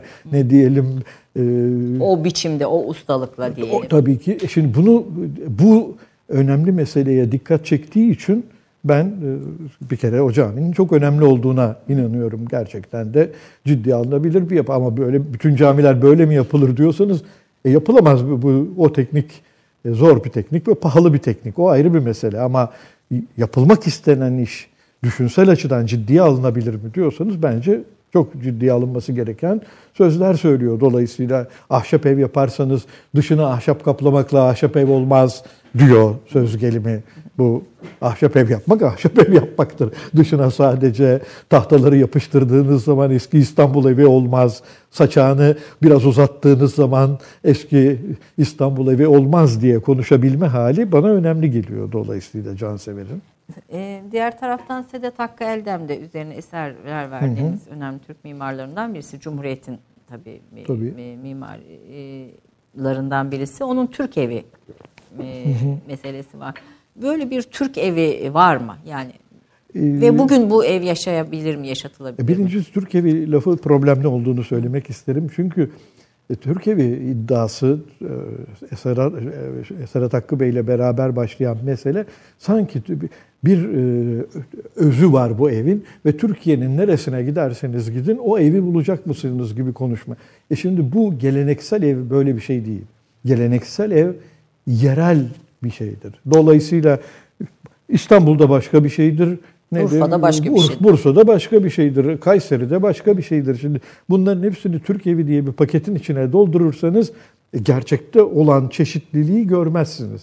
E bu zaten gerçekte olan çeşitliliği görmemek için icat edilmiş bir kavram. Bu biraz o tek tipçi yaklaşımın e, Tabii. Cumhuriyet o ilk dönem tabii ideolojinin ulus yaklaşımı. inşaatının bir parçası bu. ulus bir- inşa- o bir- dönemin ulus Tabii. e, inşasının bir Tabii. parçası. Do- Dolayısıyla bir ulus kurmak için böyle Türk evi diye bir şey icat ediyorsunuz. Her yerde Türkler nereye giderlerse o evde otururlar. E şimdi ne öyle bir ev var ne de doğrudan doğruya Türklerle örtüşüyor. Makedonya'ya gidin Yunanlılar da öyle bir evin içinde oturuyorlar diyelim ki 18. yüzyılda. Biraz yukarıda e, Filibe'ye gidin bugünkü Bulgaristan'da e, hemen hemen aynı evin içinde oturuluyor. Bir evde e, Türk oturuyor, yandaki evde bir Bulgar oturuyor. Dolayısıyla şimdi Türk eviyle dolayısıyla Türklük arasında bir ne diyelim ilişki, kopmaz bir ilişki tahayyül ediyorsak bu da doğru değil. Ama bu e, ulus inşa edilirken hoş görülebilir bir meseleydi. Dünyanın başka yerlerinde de karşımıza Benzer şeyler çıkan. yapıldı. Evet. E, Bugün sürdürülebilir mi ama bu kavram? E bu kuşkulu artık tabii ki. Yani artık bu, bu ulus inşaatı çağını geçtik. Artık e, o çağ bitti. Hala Türk evi diyerek konuşamayız artık. Yerel ev, vernaküler konut, halk mimarisi gibi terimlerle konuşmak zorundayız. Geleneksel ev diyebiliriz. Türk evi başka bir referans çünkü. Ya evle birlikte aile de tabii etkileniyor ve aile yaşam da bir şekilde Tabii. değişiyor. Sizin araştırmalarınızda dikkatimi çeken e, notlar var aslında hani çok e, fazla şeylerde. Mesela haremlik ve selamlık meselesi e, 16. yüzyıl ve sonrasında yaptığınız ev araştırmalarında bir örnekte gördüm diyorsunuz ve buna dair bir ev düzenlemesi yok. Mesela bugün biz yaygın olarak bunun çok Osmanlı döneminin en temel ev yapılanması içinde olduğunu düşünürüz. Öyle zannederiz. Zannederiz Ama daha doğrusu ama evet. E, e şöyle söyleyeyim size elimizde imkanlar var. Benim de yaptığım, benden sonra çok pek çok kişinin de yaptığı. Diyelim ki şöyle şeyler görüyoruz. Kabaca 16. yüzyılın içinde İstanbul'daki konutların %70'i civarında tek odalı. Şimdi hangi haremlik, hangi söz bir aile beş belli ki tek bir odanın içinde yaşıyor. Bu hiç şaşırtmıyor bizi. Dünyada da böyledir. Yani e, ailenin e, çok sayıda mekanı kullanabilir hale gelmesi modern dünyada olan bir şey. Gitseydik Almanya'da çok mu farklı bir şey görecektik? Yoksullar tek odalı evde kalıyorlardı. İngiltere'de Bütün- de öyle, Amerika'da da öyle. her yer için böyle bu. Yani hele tarımsal alana gittiğiniz zaman neredeyse e, Fransa'da da hayvanlarla aynı mekanı paylaşıyorsunuz. Böyle evler Fransa'da 1940'larda bile kaydedilmiştir. Bu şaşırtıcı bir durum değil. Dolayısıyla haremlik, selamlık gibi bir ayrımın e, genel geçer olduğunu düşünme halimiz problemli. Öyle bir şey söz konusu değil. E, İstanbul'da geldiğimiz zaman e, içli dışlı ev diye bir ter- terim vardır. İçli dışlı ev, bilmiyorum anlatmamda yo, anlam var. İçli dışlı ev Osmanlı belgelerinde çok sık karşımıza çıkar. Şu demek, e, evin iç kısmı dediğiniz şey ailenize ait, herkesin giremediği bir parça. Dış kısmı dediğiniz, dış diye nitelendirdiğiniz evinizin kamuya açık parçası. Diyelim e, seyisiniz, Satıcı da girebilir satıcı da girer, seyisiniz orada kalabilir, uşağınız orada kalabilir ama ailenizin parçası iç denilen kesimde yaşar ama bu lüksün ötesi bir şey. İşte bu o kadar enderdir ki bu ancak 18. yüzyılda kayda değer bir miktar oluşturmaya başlayacak yavaş yavaş. Ve hele haremlik selamlık biçimindeki ayrım ancak 19. yüzyılda o terminoloji o zaman çıkacak. Ondan öncesi için e, hemen hemen bulamayız. E, tabii e, mobilyaların değişimi, hayat, saray mesela işte kadın tarihini okurken çok da gözetli gördüğümüz bir örnektir. E, mesela korse giymesi kadınların koltuklarda e, oturmaya başlamasıyla başlıyor. Yani Tabii. onun öncesinde korse diye bir şey yok. Yani Tabii, böyle bir tabii, şey yok. tabii, ya Osmanlı tabii, sarayına tabii. da bunun Tabii. girmesi. E, ve bir batılı cereyanlarla bir ev hayatının değişimi var. Yani batılı cereyanlarla diyorum çünkü o dönem direkt o, etkiliyor e, gördüğümüz kadarıyla. Hani belli seremonilerde e, gene yerde oturma falan olsa da sonuçta bir başka hayata geçiliyor ve bu hayata geçişte eşya da değişiyor, evin içi de değişiyor. E, bu bu değişim de mi e, kültürün de değişmesinde önemli bir şey ortaya koymuyor. Mesela diyorsunuz ki siz yemek e, davetleri Cumhuriyet döneminde olmuştur. Yani eve yemeğe misafir çağırma. Ben mesela bunu hiç düşünmemiştim. Eve yemeğe misafir çağırmanın hani bir kültürel değişim e, e, başlığı olduğunu hiç düşünmemiştim. Hep şey zannederiz. Türkler zaten misafirseverdir. Misafirperverdir. Hep gelir gider diye düşünürüz. Hayır. Şöyle söyleyeyim, e, yemek yeme alışkanlıkları en fazla değişen alışkanlıklarımız. Yüzyıllar boyunca e, topluca aile sofrası diye bir şey yok zaten. Aile parçalanmış olarak yemek yiyor. Yani e, bir kere en üst sınıflarda odanıza yemek geliyor.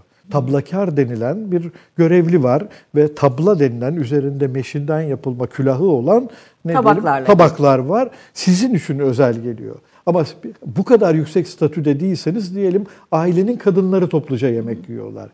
Çocukları ayrı yiyorlar, erkekleri ayrı yiyorlar. Bu 20. yüzyılın başında bile İstanbul'da bazı ailelerde hala geçerli. Mesela Ahmet İhsan Toksöz bu işte Servet Üfün'ün Evet, evet. yayıncısı. O mesela kayınpederinin evinde hala böyle yemek yenildiğini anlatıyor. Kadınlar ayrı yemek yerlerdi, erkekler Herhalde. e, ayrı yerlerdi, çocuklar ayrı yerlerdi. Bu bütün ailenin bir arada yemek yediği bir aile sofrası çok modern bir şey ve yeni. Türkiye için çok yeni. Bu Avrupa ile mi ilişkili çok emin değilim ama Avrupa ile olan ilişkilerle bir biçimde bağlantılı. Bu geç 19. yüzyıl ders kitapları, çeşitli gündelik yaşam rehberleri Osmanlıca yazılmış. Bunu anlatırlar. Nasıl hep beraber yemek yenilir. Bab, evin babası eve gelir ve hep beraber yemeğe otururlar gibi evet. ifadeler kabaca Abdülhamit dönemi ders kitaplarında karşınıza çıkar. Bu bir propaganda. Böyle yenilsin isteme hali. Yani bir tür toplum e, dizayn edilir. Yani yeni bir Tabii, yeni, yeni bir aile yeni bir yapılır. Bir tür çekirdek aile kuruluyor adım adım Türkiye'de de dünyanın başka yerlerinde olduğu, olduğu gibi. gibi. Tabii. Abdülhamit'in tabii enteresan şeyleri var. Mesela yine sizin notlarınızda dikkatimi çekti. Bir Japon bahçesi e, ne benzer bir şey tasarlaması yani kendi yaşam alanını. Tabii. E, yani e, bir, bir mimariye de kafa yormuş zaten hani ee, ürettiği mobilyalar Abdülhamit var. dönemi Abdülhamit'in kendisi de e, yaşamı çok e, Avrupa'yı olan biridir. E, kızının anılarında biz diyor annem ve çocuklar hep beraber masada oturur birlikte yemek yerdik. E şimdi bu e, sanılanın aksine herkes zannedebilir ki normal durum buydu. Hayır, Fatih Kanunnamesi'nde şöyle bir bölüm var. Ecdadım çocuklarıyla beraber yemek yerlermiş. E, bundan sonra hiçbir sultan kimseyle yemek yemeyecek. Tek başına. Bu kabaca e, ben size söyleyeyim 18. yüzyıla kadar gayet Sürer. yaygın. Tek başına padişah yemek yiyor. Hiç kimse, vezirler de dahil olmak üzere hiç kimseyle yemek yemiyor. 18. yüzyılda biraz aşınacak. Abdülhamit çağında artık normal masaya oturuyorlar. Çocuklar Aile. ne diyelim eşlerinden bir tanesi birlikte yemek yiyorlar. Bu çok yeni bir şey sandığımızın aksine aile sofrası. E Japonya böyle. Japonya batılılaşmaya kadar aile sofrası bilmeyen bir toplum. Tersi zannedilir Türkiye'de. Evet. Yani gelenek, geleneksel öyle hayatta aile sofrası Tabii, var. Modern hayatta aile sofrası yok zannediyorduk. Tam tersi bir şey söylüyorsunuz evet, yani. Aile sofrası e, çok Avrupa'yı bir şey. Avrupa sofrası ya bambaşka bir e, ne diyelim pratik olarak Türkiye'ye bir anlamda ithal edilecek. Saraydaki tabla üslubunun kaldırılması ikinci meşrutiyetten sonra çok e, şeyin yeni. ne diyelim Uşaklıgil'in e, sarayda e, bir tür görevli olarak bulunduğu sırada en fazla ısrarla değiştirmek istediği bu. Artık insanlar masada ve topluca yemek yesinler. yesinler. Odalarına tek tablakarlar tek. yemek taşımasın. 20. yüzyılın başından bahsediyoruz. E biz Türkiye'de çok kolay unuturuz. Evet. Her şeyi zannediyoruz ki hep e, yüzyıllardır böyledir. Hayır, yüzyıllardır böyle değil. Böyle evet. yemek yemiyorduk. Böyle sofralarda oturmuyorduk. Evimize bir de böyle insanlar da değildik tabii. İşin bir de bir de bir böyle insanlar tabii, da değil. Ya, her yerde olduğu gibi bizde başka bir şey. Bizde başka bir şeydik. Böyle insanlar da değildik. E, efendim kısa bir reklam arası yine bir e, es vereceğim. E, ondan sonra yatay mimari, kentsel dönüşüm e, mümkün mü? Bütün bunların hepsini konuşacağız efendim. Kısa bir aradan sonra. Bir dakika reklam arası. Romandan şiire, tarihten düşünceye, klasik metinlerden özel edisyon çalışmalarına kadar geniş bir yelpaze ve yüksek bir frekanstan yayın yapmayı hedefleyen Ketebe, şimdiden Türk kültür hayatında kalıcı ve önemli bir yer edindi. Edebiyatımızın seçkin eserlerine, genç kalemlere, tarihimizin engin zenginliğine, dünya edebiyatının hem güncel hem de klasik metinlerine düşünce dünyamızın, maneviyat tarihimizin köşe taşlarına ve gün yüzüne çıkmamış değerlerine ev sahipliği yapmak, Ketebe'nin yayın politikalarının omurgasını oluşturuyor. Dünya standartlarında bir yayıncılık anlayışı ve deneyimli kadrosuyla yola çıkan Ketebe yayınları, kitaba, kağıda ve söze hürmet eden bir medeniyetin parçası olarak her şey geçer, yazı kalır diyor. Reklam arası sona erdi. Türk Kahvesi'nin son bölümündeyiz. Konuğum Uğur Tanyeli. E, mimarlık geleneksel dünyanın ana dili gibidir diyorsunuz. Evet. Bir, bir manada. Hı hı. Bugün için de öyle midir? Yani Hayır. bugün için mimarlık bizim için ne ifade ediyor? e şayet dil metaforu üzerinden konuşuyorsak e, e, şimdi yabancı dilimiz gibidir. Öğren, sonradan öğrendiğimiz yabancı dil gibi ama geçmişin dünyasında neredeyse doğduğunuzdan başlayarak orada geçerli olan mimarlığın içine doğarsınız. Ondan başka mimarlık bilmezsiniz. Ondan başka bir yaşama biçimi bilmezsiniz. Dolayısıyla ana dilimizi öğrendiğimiz gibi öğreniriz. Özel olarak kimse bize kalkıp da Türkçe Öğretmiyor. Evet. İçinde yaşadığımız ortamda öğreniriz. Mimarlığı da öyle öğreniriz. Bugün E bugün böyle öğrenemeyiz. Bugün artık mimarlık ayrı ne diyelim ana dili gibi değil de demin söylediğim gibi sanki yabancı dili öğrenmek gibi bir şey. Her seferinde yeni bir yabancı dil öğrenir gibiyiz. Hiçbir zaman geçmişteki gibi içinde yaşaya yaşaya edindiğimiz ve mecbur olduğumuz daha önemlisi bir mimarlığın içinde yaşamıyoruz. Başka bir mimarlık isteyebiliriz. Geçmişin dünyasında başka bir mimarlık isteyemeyiz. Bilemeyiz bile. Diyelim ama ki- şimdi önümüzde seçenek çok. Tabii çünkü 15. yüzyılda nereden bileceksiniz Japonlar nasıl yaşıyor, İsveçliler nasıl yaşıyor, İspanyollar nasıl yaşıyor hiçbir fikriniz olmaz. Dol- Bırakın onu e, Kayseri'deyken Sivas'takilerin nasıl yaşadığını bilmezsiniz. O kadar ne, ne diyelim dünyanın bu, bir... bu e, çok Tabii. e, fazla seçenekle sahip olmak bizi nasıl etkiliyor? e, giderek şu rahatsızlığı duymaya başlarız işte. E, bu çok bilinen bir şeydir. Evimizi kaybettik. Artık evimiz yuva değil biçiminde konuşma halimiz bu. Yabancılaşma. Yabancılaştık. Mesela Heidegger bile büyük ölçüde bunu söyler.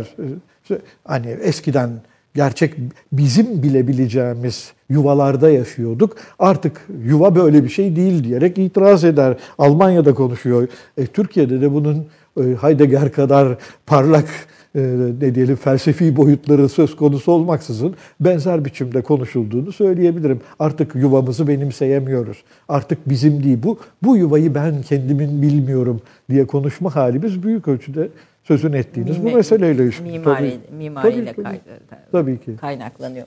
Ee, tarihi eserleri çok olan bir ülkeyiz ve yani turiste e, hepimiz de o eserleri görmek istiyoruz. Biz de bir yabancı ülkeye gittiğimizde o tarihi eserleri görmek istiyoruz. Yani eminim siz de hani e, önce görüyorsunuz.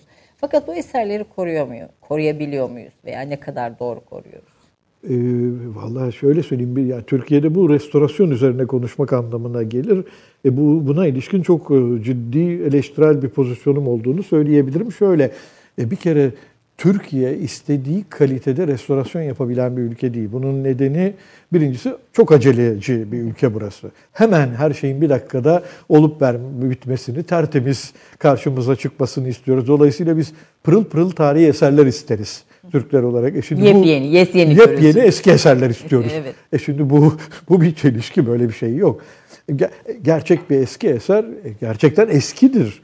E, Dokunmak için dikkat etmelisiniz. Pırıl pırıl yepyeni gözükmez ama biz bir eseri restore ettiğimiz zaman karşımıza ne diyelim neredeyse dün yapılmış gibi yapılar çıkarmak istiyoruz. E bu e, kabul edilebilir bir şey değil. Yapıları dolayısıyla aceleciliğimizle ve daha da önemlisi bu yenileme talebimizle tahrip ediyoruz yenilenmemelidir. Yapı yap, eski yapı eski olur biçiminde bir basit argüman öne sürecek olursam çok yanlış bir şey söylemiş olmam. Ne yazık ki biz bunu bir kere yapamıyoruz. İkincisi restorasyon özel bir uzmanlık alanı. Sadece mimarlık bağlamında uzmanlık alanı değil. E, ahşabı restore etmek için ayrı bir elemanına ihtiyacınız var. E, Eski usulde revzen camlı pencere yapabilmek için elemanına ihtiyacımız var. E bir kere bütün bunları e, ne diyelim e, elemanını yetiştirmemiz lazım. E bunlar elimizde yeterince yok. E, yeterince restorasyon müteahhitimiz yok. Bu alanda uzmanlaşmış e, müteahhitlik hizmeti verecek çok az şirket olduğunu söyleyebilirim. Biraz daha şimdi gelişme kat edilse. Ama yine de e, o kadar çok restorasyon yapmak istiyoruz ki elimizdeki bu birikim onu karşılamaya yetmiyor. Yeterli değil. E bir de daha hepsinden önemlisini söyleyeyim. E biz tarih bilmiyoruz. Hepimiz tarih biliriz biliyorsunuz. Türklerin temel özelliği herkes tarih Evet, bilir. E kimse biraz. bilmez. Kanuni Sultan Süleyman dizisini böyle sürekli örnek veriyorum. Ve Derslerde öğrencilere de örnek veririm. Kanuni e, sergisin şöyle söyleyeyim o dizide bir masada oturmuş e, kadınla erkekli yemek yiyen e, bir e, aile olarak Kanuni'nin ailesi ve Hürrem Sultan Kanuni'ye bu akşam Mustafa'lara yemeğe gidelim diyerek konuşuyor şimdi. bir kere bu arka tarafa bakıyorsunuz camlı pencereler var.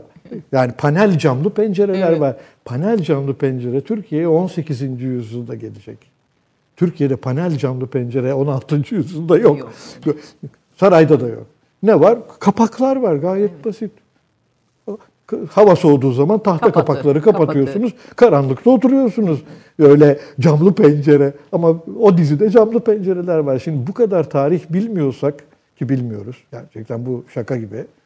E, doğru restorasyon nasıl yapacağız? Geçmişin ne olduğunu bilmeden Nasıl onaracağız diyorsun. Evet, asıl sorun Aslında bu. tabii tarihe yabancılaşmışız biraz da tabii yabancılaşmanın da. Tabii tarihi sadece ideolojik bir şey olarak tahayyül ediyoruz. Geçmişe ilişkin bilgi olarak düşünmek istemiyoruz. Yani camı da tarihsel bir gerçeklik olduğunu düşünmüyoruz. Giyotin pencere var mıydı, yok muydu? Ne zaman vardı, ne zaman yok? E bunların hepsini tarih konusu. Biraz da tabii film kurmaca olunca Ha, hani tabii o onun başka. içine çok fazla e, Ama o- yine de bir e, ne diyelim bir İtalyan filminde aynı yanlışları görmezsiniz. görmüyoruz. Evet.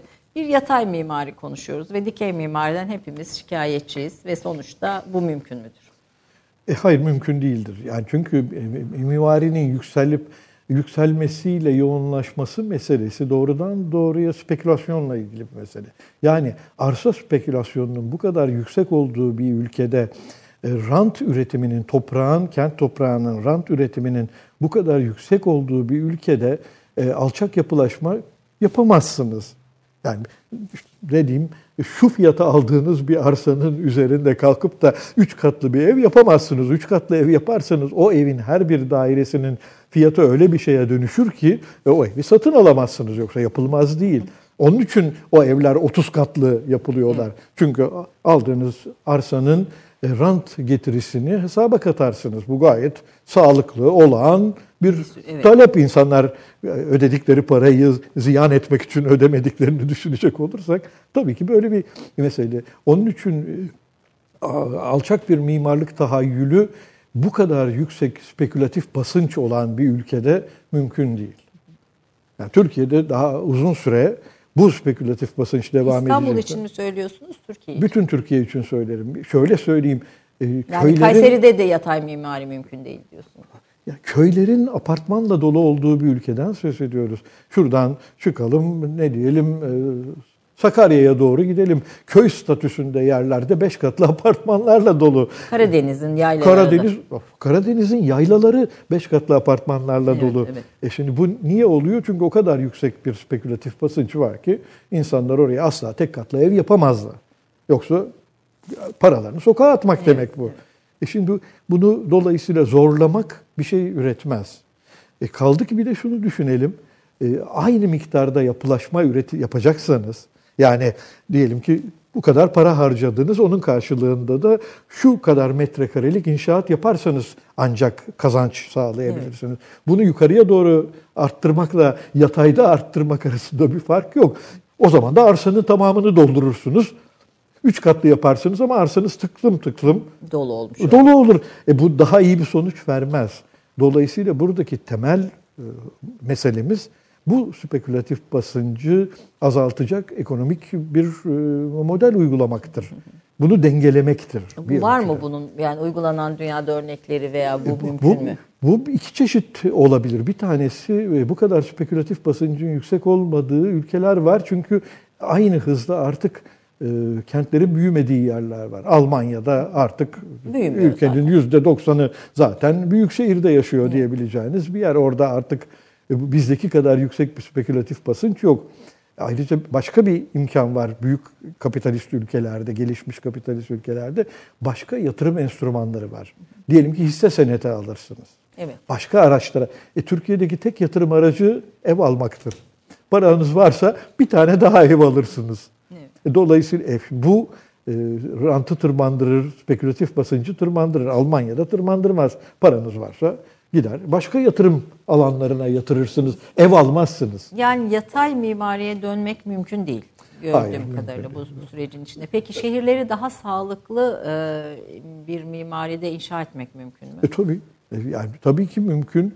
Ee, Ama bu e, dediğim gibi spekülatif basınçla mücadele etmedikçe çok zor. Yani Türkiye'deki bu kadar yüksek bir e, spekülatif basınç ve e, tek en- yapı e, tek yatırım enstrümanının konut olduğu bir ülkede çok daha e, radikal biçimde iyi kentler görmek istiyorsak göremeyiz. Ama şunu görürüz. Daha iyi teknik hizmet görürüz.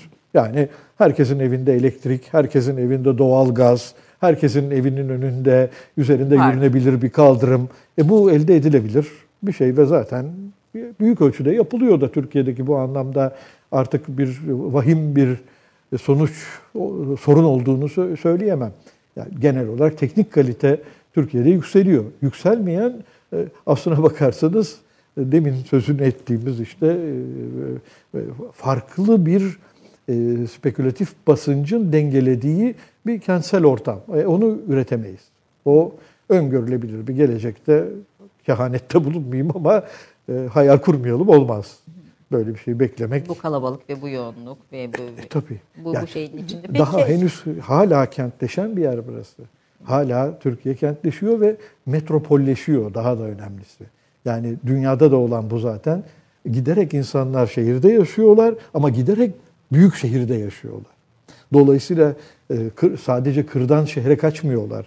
Aynı zamanda küçük kentten büyük kente de gidiyorlar. E bu sürekli tırmandıran bir şey ama ya eski heyecanı kaldı mı diyorsanız e kalmadı. Türkiye'deki diyelim ki 1970'lerdeki e, beklentilerimiz artık yok. Çünkü artık gelecek o kadar fazla insan yok. Oran olarak söyleyecek Evet. olursam. Artık %70, Türkiye 80 kırsal kesim boşaldı. Boşalmış. Boşaldı. Büyük ölçüde boşaldı. Artık e, burası da dünyanın başka yerleri gibi gelişmiş ülkelerdeki gibi kentli bir toplum. Evet. Yani. Kentsel dönüşüme nasıl bakıyorsunuz? Bu arada riskli işte bunu e, Amerika vesairede de uygulanan riskli grupların şehir dışına çıkartılması, işte suç riski olan veya başka şekilde işte biz de kısmen romanlar için bunu e, kullandık. Bunu bunu nasıl e, değerlendiriyorsunuz? Kentsel dönüşüm doğru bir strateji mi? E Şöyle söyleyeyim, kentsel dönüşüm e, bu modern dünyadaki zorunlu olan bir şeydir. Yani kaçınılmaz olan bir şey. Kent e, yaşıyorsa, yaşayan her ne diyelim gerçeklik gibi dönüşür ve değişir. Buradaki kendiliğinden olmayla devletin neredeyse zorlamasıyla ya da prim vermesiyle olması arasındaki farka dikkat çekmek isterim. Yani diyelim ki Amerika'da bir zamanlar Manhattan'ın işte e, ucundaki bölge bir e, küçük imalat bölgesiydi. Zaman içinde oradaki evler el değiştirerek bugün en lüks semtlerden biri haline geldi. Buradaki mesele kendiliğinden olması. Ama Türkiye'de olduğu gibi çeşitli yasal imkanlarla buna devlet destek olmaya başladığı zaman bu e, şanssız grupların süpürülmesi sonucunu veriyor. Yani Türkiye'deki bazı yasal imkanlar söz gelimi işte diyelim ki Sulukule'deki insanları artık Sulukule'de yaşayamaz hale getiriyor. E, Ne diyeyim tarla başındakiler oradan süpürülüp gitmek zorunda kalıyorlar. E, Amerika'da da Seattle falan örnekleri var bunun o, uygulandığı. Çok doğru söylüyorsunuz. Amerika'da da olur ama en azından orada merkezi yönetim buna prim vermez. Bu kendiliğinden oluşur. Dolayısıyla birisinin evini satın alır, onu işte restore eder, yepyeni lüks dairelere bölersiniz Manhattan'da Merkezi yönetim gibi. prim vermesi nasıl bir e, sonuç doğurur? İşte o zaman e, şöyle söyleyelim, pa- parası az olanın e, aleyhine parası çok olana kaynak aktarıyorsunuz demektir. Bu çok açık bir biçimde kaynak aktarmaktır. Kamu kaynaklarını bir biçimde varlıklıya transfer etmek demek. Yani şu demek, adama diyorsunuz ki ben evini alacağım, sana bir tane daire vereceğim. Karşılığında atıyorum oraya 30 tane daire yapacağım. Şimdi o 29 daire size kalacak. Aynı adamla oturup karşı karşıya gelip pazarlık etseydiniz dairelerin yarısı sana, yarısını bana diyecekti söz gelimi. Bağdat Caddesi'nde olduğu gibi hatta orada oturanlara diyelim ki dörtte üçünü veriyorlar. Dörtte birini müteahhit alıyor. Ama bunu tarla başında yaptığınız zaman böyle olmuyor. Dolayısıyla bir anlamda parası az olana e, ne diyelim Bir haksızlık. haksızlık yapılmış oluyor bu or- çok ortaya çıkmış e, oluyor. E, mütereddit modernlik e, aslında biraz kitabın ismi de e, ilginç ve ne- neden modernlik ve müteredditlik iki kavramı böyle bir araya getirdiniz? Eyvah bu zor çünkü epey bir şey söylemek gerekir. Çok kısa özetleyeyim. Ee, bu dünyada da Türkiye'de de epey yaygın bir meseleye işaret ettiği için mütereddit modernlik meselesi de ne icat ettim diyeyim çünkü mütereddit modernlik diye bir e, genel sosyal bilim kavramı yok. Ben yaptım oldu diyeceğim. Biraz ayıp olacak ama E, zaten kavramları da böyle üretiriz. E, burada şunu anlatmaya çalışıyorum. Mütereddit modernlik dünyanın değişimini kabul etmek ama bu değişim dünyada hiçbir şey aslında değişmiyor demek suretiyle kabul etmek gibi bir açıklama getirebilirim. Dolayısıyla bazı mimarlar böyle söylerler. Mimarlık hep aynıdır. Hep aslında mimarlıktan aynı şeyleri bekleriz diye konuştuğumuz zaman aslında dünya ne kadar değişirse değişsin yine de değişmeyen bir özü var diye tahayyül etme hali. E şimdi bu mütereddit modernlik için e, hızlı bir tanım sayılabilir. E benim açımdan bakıldığı zaman dünya değiştiği zaman her şey değişir. Özü sandığımız şey de değişir. Dolayısıyla değişmeyen bir öz, mimarlığı Mutlaka. hep mimarlık yapan bir kavram ne diyelim işte aileyi hep aile yapan bir şey. Hayır aile 19. yüzyılda başka bir şey, 16. yüzyılda başka bir şey, eminim Orta Asya'da başka bir şeydi. Adı aile olabilir ama çoğu zaman adı da aile olmaz zaten. Biz ona aile deriz. Uzun süre boyunca muhtemelen diyelim ki Orta Çağ'ın başında aile bile demiyorlardı. Ee, dolayısıyla her şey değişir ama e, özü aynı kalıyor dediklerimiz de dahil olmak üzere değişir diye ifade edersem daha doğru olur. Mütereddit modernlik tam da bunu yapmak. Yani bir öz vardır ve mimarlığı mimarlık kılar o öz deme halini anlatmaya çalışıyorum. Ee, en iyi dönüşüm dönüştürmeyendir diyorsunuz. Yani bu o anlamda Evet. Siz biraz bu söylediğinize de Ama bu Türkiye'deki sevilen bir şey. Her şey değişsin. Bu yine bir mütereddit modernlik güzergahı. Her şey değişsin ama yine de çok da fazla değişmesin diye bekleme hali. Türkiye'deki çok sevdiğimiz bir düşünme biçimi bu. Bir mütereddit modernlik güzergahı aslında. Hem değişeceğiz hem de aslında hep kendimiz olarak kalacağız. Hayır, kendimiz de kalmayız kendimiz sandığımız şey de değişir. Evet, hep, hepsi bu değişimin tezgahından geçer. Geçer. Sadece ne diyelim yine siz siz olmakta devam edersiniz ama aynı siz değilsiniz. Nasıl doğduğumuz siz değilsek hala evet. ne diyelim 16. yüzyıldaki biz de değiliz. Ne diyelim orta çağdaki biz, biz de, de değiliz. E, mimaride yeni bir stil, yeni bir tarz, bir e, şey üretmek mümkün mü? Yani biz, biz bize özgü diyeceğim ben yine hı hı. tabii bazı şeyleri aynı tutarak Anlıyorum. bir muhafazakar olarak. Hı hı. E, bize özgü bir yeni tarz. Yani eskiyi taklit etmeden yani hı hı. kalkıp Sultanahmet Camii'nin bir benzerini yapmak gibi değil. işte filancanın bir benzerini yapmak gibi değil de yeni hı hı. bir şey ortaya koymak ama bu koyduğumuz şey hı hı. içinde de kendimizi de muhafaza etmek, o özü de korumak. Bu mümkün mü mimaride? E zaten yaparız. Benim Ama şey... ben çok iyi mimarlar olduğunu e, ta, tahmin etmiyorum. E, hayır, ortaya çıkan mimarinin kalitesini beğenmiyor olabilirsiniz. O ayrı bir mesele ama sonunda yaptığımız şey hep bize özgü olduğu gerçeğini görmek zorundayız. O başka bir şey yani ama apartman, sonuçta... Yani Türkiye'de bir apartman emin miyiz? Amerika'da New York'taki bir apartmana mı benziyor? Benzemiyor. Yani istediğiniz kadar rezidans yapın. Orada başka bir biçimde oturuyorsunuz. Aynı evin içinde bile başka oturursunuz. Yani ne diyelim e, bir İspanyol evinin içine gittiğiniz zaman İspanyol gibi yaşamıyorsunuz. E, Orayı bile dönüştürürsünüz ama Türkiye'de yaşıyorsanız zaten ne yaparsanız yapın kendi mimarlığınızın içinde yaşarsınız. Yani ben biraz tabii mimari hani tarihe iz bırakan şey noktasında da bakıyorum. Hani baktığımızda yani Cumhuriyet'in ilk yıllarından da çok fazla eser yok. Hani baktığımızda tek tük işte Sedat Hakkı Erdem'in bir, bir iki eseri var vesaire veya bazı mimarların Hı. var ama mesela bugün de hani geleceğe miras bırakacağımız bir eser sanki yapabiliyor muyuz? E, o beklentiden kurtulmamız gerekir.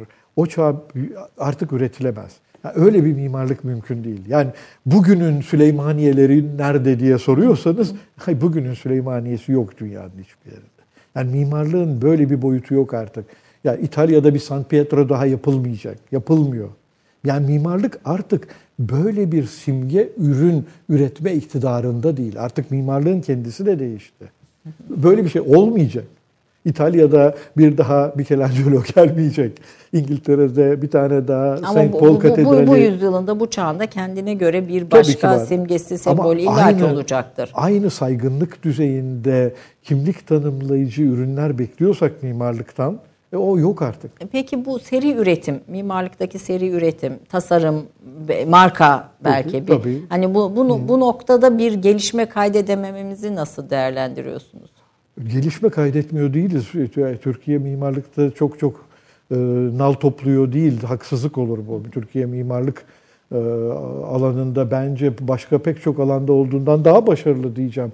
Türkiye'de önemsenebilir nitelikte, dünyada da e, önemsenen mimarlar var ama görüntü bütün olarak burasını bir cennet mi kılıyor diyorsanız o hayır kılmıyor ama Türkiye vahim bir mimarlık problemiyle yüz yüze değil sandığımız gibi. Vahim olan şeyler başka meseleler. Binalarımızın e, dünya çapında şaheserler olmuyor halini e, kendimize dert etmekten bence kurtulmamız gerekir. Öyle şaheserler yok artık. Yani Bilbao'daki Guggenheim binasının e, üzerinde İspanyollara sorsanız önemli bir bölümü deli saçması bir yapı, berbat etti Bilbao'yu diye size de cevap verir. Aynı şey Londra'da diyelim Channel 4 binasına sorsanız, yahu bu ne biçim bina, rafineriye benziyor. Paris'teki Bobrüç'ün boyuna söylenendir bu şey. Mare'deki rafineri diye dalga geçilir söz gelimi Paris'teki Bobur Kültür Merkezi için. E, dolayısıyla o şaheserler çağının kapandığını, hepimizin üzerinde uzlaşacağı e, ve kendimizin bileceği mimarlıkları artık üretemeyeceğimizi görmemiz lazım. E, star mimarımız var mıdır bizim? Tabii. Kim var mesela? E, birkaç tane star mimardan söz edebilirim. Emre Arolat çok söylediğim için söyleyebilirim. Dünyada da önemsenen, üç kentte Londra'da ve New York'ta bürosu olan, orada da e, üniversitelerde ders vermeye çağrılan, konferans veren, önemsenen, e, yani dünya ölçüsünde starlığa en yaklaşan muhtemelen Emre Arolat'tır. Han Tümertekin için söyleyebilirim. O da aynı şekilde Harvard'da da ders verir, Cenevre'ye de gider, ne diyelim dünyanın çeşitli yerlerinde e, tasarımla ilgili konferans verir. Dolayısıyla bir Türk starı olarak bunları örnek verebilirim. Ben e, Roma'da bir sergi açılışında Zaha Hadid'in e, hmm. Maxi e, Müzesi'ne gelişini izledim. Hmm. kırmızı halılarla ve bir zannedersiniz ki bir Hollywood yıldızı Çok gelecek. Doğru. E, bir limuzinde o yol boyu dizilmiş bir şey, cadde boyu dizilmiş bir insan kalabalığı, Zahati'de dokunmak isteyen ve böyle hani çılgın saldıran, saldıran filan. Hani e, bir mimarın star olabileceğini gerçekten orada idrak ettim dedim ki hani bir bir mimar e, bugün içinde bir star olabiliyor. Zahadit bunun bir Ama örneğiydi. Çok Zahadit gibi insan yoktur. Zahadit çok özel bir şey. Bir kere kadın genellikle neredeyse erkeklerin tanımladığı bir dünyada Zahadit kadın olarak bir kere zaten star oluyor. Mimar ee, biraz erkek işi galiba, erkek mesleği. Denemez ama yüzyıllar boyunca öyle alışılmış. Dolayısıyla da bugün yani öğrencilerimizin neredeyse yüzde altmışı kızdır bizim. Evet bütün mimarlık okullarında. Yani herhangi birini için özel Benim durumda. Benim kızım da mimar bu arada. ne güzel. Ee, şöyle söyleyeyim e, ama piyasada çalışan önemli mimarların kaçın kadın diye sorarsanız ben size söyleyeyim. Yani bir avuç insan çıkar. Güvenip mi kadınlara güvenip kadın mimarlara ev mi yaptırır? E valla tabii bütün dünyada genellikle bir kere kadınlara çok güvenilmediğini söyleyeyim. Yani dünya hala çok cinsiyet ayrımcı bir dünya. Yani onu görmek zorundayız. Aşınıyor mu? E, aşınıyor. Tabii çok aşınıyor. Yani 1930 yılında e, dünyada şöyle söyleyeyim Avusturya'da ilk kez bir mimarlık okuluna bir kadın 1930 yılında alınmış. Türkiye'de bir mimarlık okuluna giren kadın da 1930 yılında. Düşünün ondan önce okula bile girmiyorsunuz zaten. Yani dünyada ilk önce Amerika'da başlıyor ve 1800 galiba 60'ların sonunda e, bir mimarlık okuluna bir kızı kabul edebiliyorlar. Ama bugün bile Amerika'da e, yapılan değerlendirmeler var. Çok kolay erişilebilir bunlara. E, kadınlar hala ikinci sınıf vatandaş sayılır mimarlık Mimarlık ortamında. mesleğinin içinde. Evet, ne yazık ki böyle. Ee, daha kadim meseleler bunlar. bu evet, bu öyle kolay bu kolay. kolay kolay hemen tabii, çözülecek bu, bir iş değil. Birkaç kuşağın işi Evet, bu. böyle çok az vaktimiz kaldı. Bir Fatih Harbiye romanı aslında bir toplum bir, ve bir mimaride, Hı-hı. bir ev, bir yaşamda devam eder. Bugün de bunu devam ettiğini düşünüyor musunuz? Yani bir işte bizim için de bir Fatih Harbiye'nin bir başka versiyonu. Hala o çelişki toplumun içinde o damar, mimari, yaşam biçimi, sataşma, mekan kullanımı hmm. yani e, işte bir e, me, mekanı ortak Anladım. kullanma. Yani başını örtenler, örtmeyenler, hmm. mütedeyyinler olanlar, olmayanlar filan. Hani bütün bunların içinde bu gerilimin mekansal boyutta Türkiye'de devam ettiğini düşünüyor musunuz? E, bu, bunu yani sayısız gerilimin var olduğunu söyleyebilirim ama bunu böyle akla kara gibi hani bir tarafta mütedeyinler öte tarafta mütedeyin olmayanlardan oluşan bir ikili denklem olarak düşünemem. Yani Yoksa, bir Fatih Harbiye çelişkisi sürüyor mu? Hayır Fatih Harbiye şeklinde değil. Fatih Harbiye çelişkisi o zaman bile gerçekçi değil. O bir yani, durumu anlatmak için ideolojik bir roman evet, aslına evet, bakarsanız evet. biliyorsunuz. Yoksa Fatih'te oturanlar ne diyelim Fatihli özü olanlar, Harbiye'dekiler Harbiyeli değil, özü değil, olanlar değillerdi ki, o zaman da. Tabii geçişkenliği de dönemin tabii değişimini de anlatıyor yani, zaten. Yani herkes sürekli değişiyor. Dolayısıyla işte oradaki kızcağız da romandaki kız da değişir. O ayrı. O tartışmaya hiç girmeyeyim ama bugün böyle olduğunu söyleyemem. Diyelim ki AVM'yi kullanma bağlamında e, kimi ayırt edebilirsiniz? Gidin herhangi bir AVM'ye bu ne diyelim e, acaba muhafazakar mı yoksa değil mi diye aramayı deneseniz e, buna kolay cevap veremezsiniz. Böyle o kadar belirgin aynı dükkanlara giriyorlar. Üç aşağı beş yukarı aynı alışverişleri yapıyorlar. Ee, üç aşağı beş yukarı aynı yemekleri Ama yine de yiyorlar. mesela e, kafeler bazında baktığımızda veya mekan kullanım baktığımızda Hı. hani bir ayrışma mı yoksa daha birleşme mi var? Yani birleşmeden de söz edebiliriz belki. Şöyle söyleyeyim ikisi de oluyor dersem daha doğru. Yani bir taraftan Türkiye bitimsizce ayrışıyor ve yarılıyor. Bir kere bunu doğrusu söylemek hiç yanlış bir şey değil. Ama öte tarafta Türkiye sandığının aksine bir taraftan da bütünleşiyor. Yani gündelik davranışlar bazında bütünleşiyor.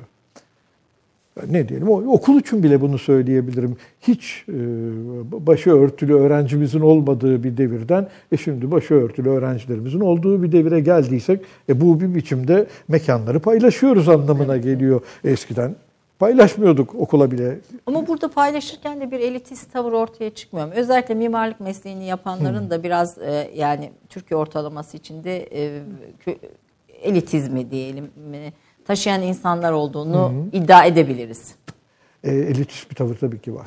Ya ama bu bütün alanlarda var. Bunu mimarlıkla bağlantılı olarak düşünmeyelim. Yani elitizmden kurtuluş yok.